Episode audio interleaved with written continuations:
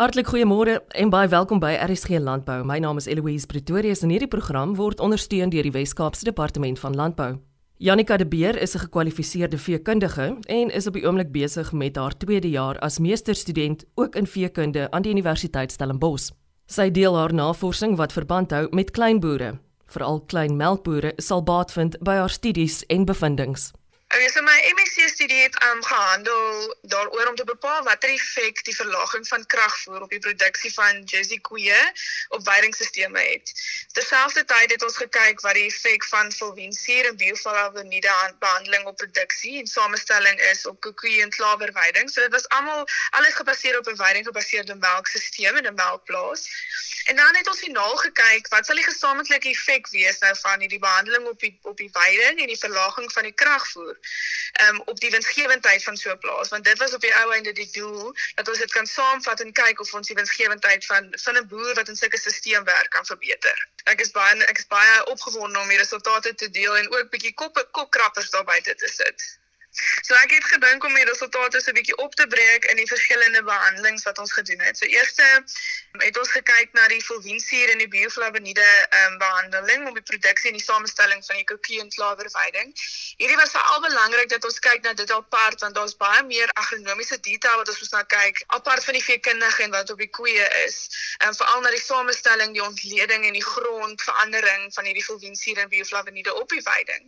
Dit raak veral belangrik tydens ons huidige sisteme en ons navorsing want baie meer navorsers begin kyk na of hulle veiding kan verhoog omdat dit die goedkoopste uh, voedingsstof is vir diere op veiding.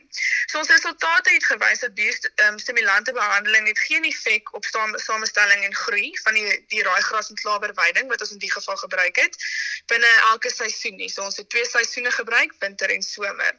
Alhoewel wat ons interessant gevind het in ons studie is dat daar was 'n neiging vir verhoogde groei groei in die somer waar die meeste van die groei van die veiding plaasvind.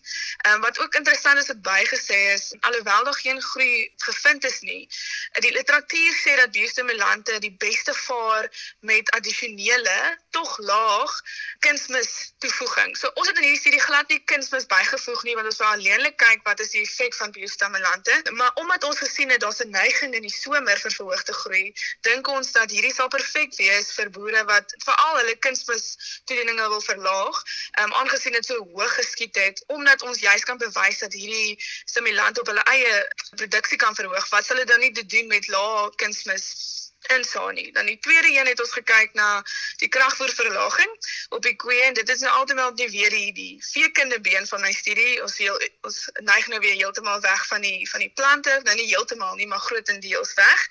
So ons het gesien dat die kragvoerverlaging, ons het twee spanne vergelyk, 'n 8 kg per dag en 'n 4 kg per dag. Ehm um, en ons het gesien die kragvoerverlaging tussen van 8 na 4 het, het geen effek op melkproduksie nie. So die koeie was kon na melkproduksie volstaan en dit het ook nie afgewyk van die hoë kragvoer nie. So inteendeel hulle het min of meer dieselfde produksie gegee. Daar was nie verskil in haar liggaamsgewig en haar kondisieteling in elke seisoen nie. So ons het die gehardloop oor 'n hele somerseisoen en oor 'n hele winterseisoen.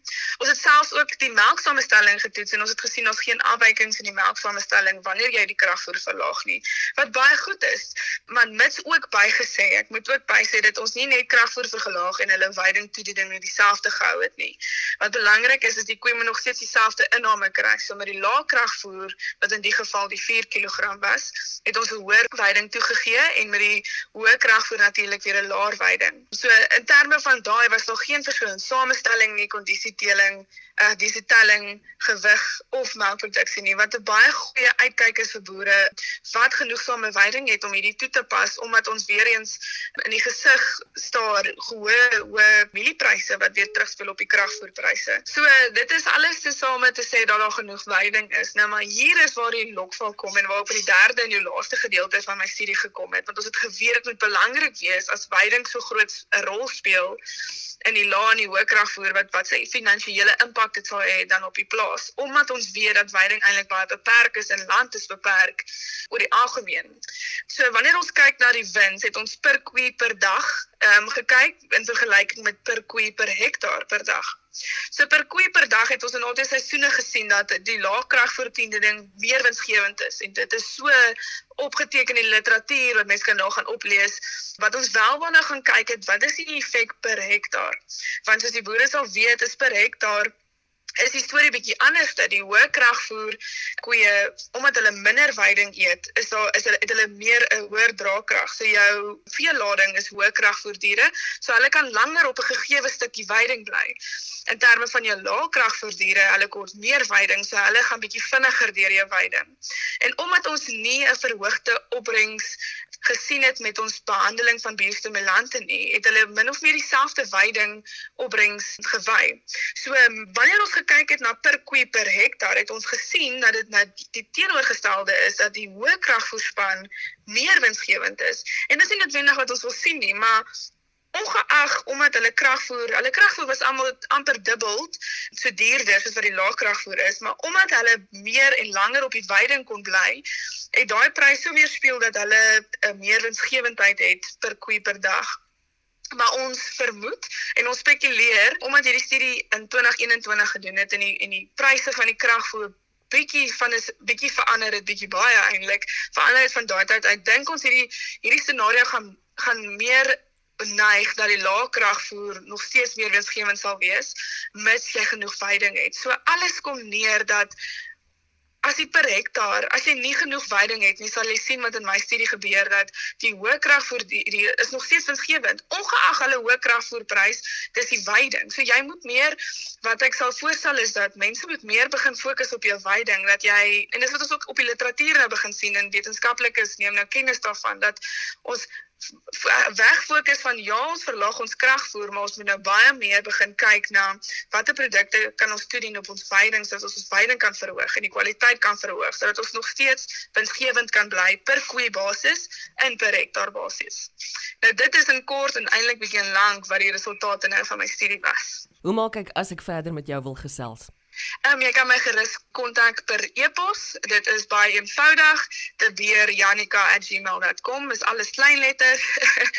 as mense meer wil weet van wat se studies nog gebeur, is hulle meer as welkom om Stellenbosch Universiteit se veekinderdepartement te kontak. Maar die vinnigste sal wees per e-pos. Ek is altyd ehm um, my foon is altyd by my en ek sal graag meer wil gesels as iemand meer van die studie wil weet. Janika de Beer is 'n gekwalifiseerde veekundige en is op die oomblik doenig met haar tweede jaar as meesterstudent in veekunde aan die Universiteit Stellenbosch. Die jaarlikse Agri's Got Talent sangkompetisie is een waar agriwerkers gehuldig word en waar uitsonderlike stemme gekoester word. Vanjaar se wenner, Jasmine Bones, deel graag haar planne vir die toekoms en wat haar deelname aan hierdie kompetisie vir haar beteken het. Ek wil my passie vir sing uitleef en nuwe mense ontmoet die wêreld sien. Mense inspireer met dit wat ek tans mee besig is, jong mense, vir al ons jong mense. Want in vandag se lewe is ons jong mense maar roekeloos. Ons ons omdat hulle nie weet daar is sulke geleenthede nie. gaan hulle na alkohol, dwelms en hulle is net roekeloos, maar daar is wel 'n uitweg soos die kompetisie dit my hele lewe verander. Van 'n meisie wat uit die werk uit op 'n naweek in die huis sit vasgevang. Ek is so 'n gevangene. Ek gaan nie beweeg nêrens heen nie. Ek beweeg nie, ek sit daar in die huis. En vandag die kompetisie het my die geleentheid gegee om mense te ontmoet, wonderlike mense, die mees ongelooflikste mense te ontmoet. En uit te kom 'n bietjie die wêreld buite te verken en ek sal dit vir niks in die wêreld verruil nie. Ek sing van 'n baie jong ouderdom af. My ouma altyd was so 5, 6 jaar. Dan het my ouma met die gitaar en ek op die jap en dan sing ons twee. En na my ouma se afsterwe, het my ma die koor begin en ons ek het in die koor gesing, was voorsanger in die koor. En uit die koor het ons 'n kwartet en ek het in die kwartet ook voorgesing het bekend gestaan as die Golden Voices. Groot koor was ook die Golden Voices en dan die kwartet was nou die Golden Voices kwartet. En 2018 verloor ons ons buis. Oh, dit was die mees dit was baie moeilik vir ons al drie. Want ons was 'n familie. My ma was die leier en die onderleier, sy was ook soos my tweede ma en dan die buis was soos my oom. Ons was 'n klein familie. Altyd mekaar ondersteun moeilike tye. Van ons gelukkiges het ons was ons saam gelukkig. En ons het saam gehuil baie keer. Maar ja, ek ek het nog altyd geweet ek kan sing, maar ek was 'n bietjie bang om met my stem te speel nadat ek twee wonderlike mense ontmoet het, Frida en François. Wat vir my gewys het hoe om daai noot te globaal wanneer hy moet globaal word en net myself te wees en nie terug te hou nie. Wanneer ek sing, gee jou alles. Dis wat Frida altyd sê, gaan wees net jouself en gee jou alles. Ek is actually 'n plaaswerker op Tennekerrein. 'n Seisoenwerker en ook 'n boomvormer. Ek werk met die jong bome aan die aan nuwe aanplantings. Werk ek mee. En my voorvrou se werk is en die bestuurder onder wie ons werk, se werk is om vir ons op te lei hoe met daai boom reg te kry vir vrugte produseer en wanneer hy reg is vir snoei, dan is hy ons afdeling. Maar hy is nog nie dan sterk genoeg vir die sê maar vir die mans om te snoei nie. So dan is dit ons werk om hom te snoei. Wat tans my voorlê, ek wil baie graag net sing. Ek wil sing en nogmaals sing funksies soos die bywoon. Want dan kry ek die geleenthede wat ek nog nooit voorheen gehad het as ek gesing het of mense ontmoet soos wat ek vanaand geontmoet het vir die week ek sal geontmoet het. He. En plekke te sien en meer sous. Sal meer sous. Maar vorentoe my gro my droom is om by die kontrak deel te gaan neem of idols of idols. Ek is 28. Oei, plaasmense noem my so plat weer. Dis min. Moet nooit opgee op jou drome. Moet nooit opgee op jou drome. Maak nie saak wat 'n struikelblok in jou pad is nie. Moenie opgee nie. Ek wil graag 'n program by ons op die plaas begin om net 'n bietjie jong mense bewus te maak van IGT. Dit is die sangkompetisie wat ek gewen het, Agris Got Talent. En dat ek was die eerste een daar in ons streek wat sê die kompetisie, sê maar nie agter wat se meer. Wat weet van die kompetisie? Ooit nog nooit van die kompetisie gehoor nie. Maar ek wil hulle bewus maak van die kompetisie en dit is net 'n kompetisie nie, dit is 'n lewing lewensveranderlike program. Ek het nie net geleer van sang nie, maar selfvertroue, hoe om jouself te vertrou in 'n posisie soos wanneer jy op 'n verhoog moet staan voor so klomp mense soos vanaand. Moenie daai vrees as jy diep asemhaal en sê vir jouself ek het dit. Ek kan dit doen. Dit gaan weg en die woorde dit is amper so jy weet self as dit nou ek wat die sing of wat gaan aan?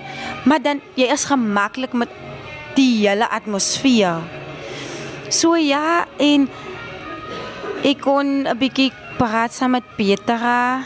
Sy werk by um Proke kon 'n bietjie met haar bietjie gesels en dan saam met Tia Esther Landy Hulle twee was die wat vir ons aangetrek het, Esther en Lindy. En dan Tia was nou die organizer van die hele um, IGT. En dan Peter was nou vir Pauke, so sy was daar maar bietjie met ons te gesels oor probleempies en so wat vir jou gepla het daai week of jou insecurities. En ek kon 'n bietjie met daai deel en net daai die feit dat met haar kon praat, hy raad wat gegee het, het vir my weer in 'n posisie gesê wat ek myself gesê het. Hoekom moet ek worry oor dat wat mense van my dink? As ek kan nou mense soos die mense wat ek ontmoet het vandag het aan my sê so wat is die wat die negativiteit los dat en fokus op die positiwiteit. Vanjaar se wenner van die gewilde Agri's Got Talent sangkompetisie, Jasmine Bones. Luister gerus na enige van ons programme wat jy moontlik misgeloop het na 'n besoek aan www.elsenburg.com. Ek is Eloise Pretorius en ek wens jou 'n wonderlike Vrydag hier in die geselskap van RSG. Totsiens.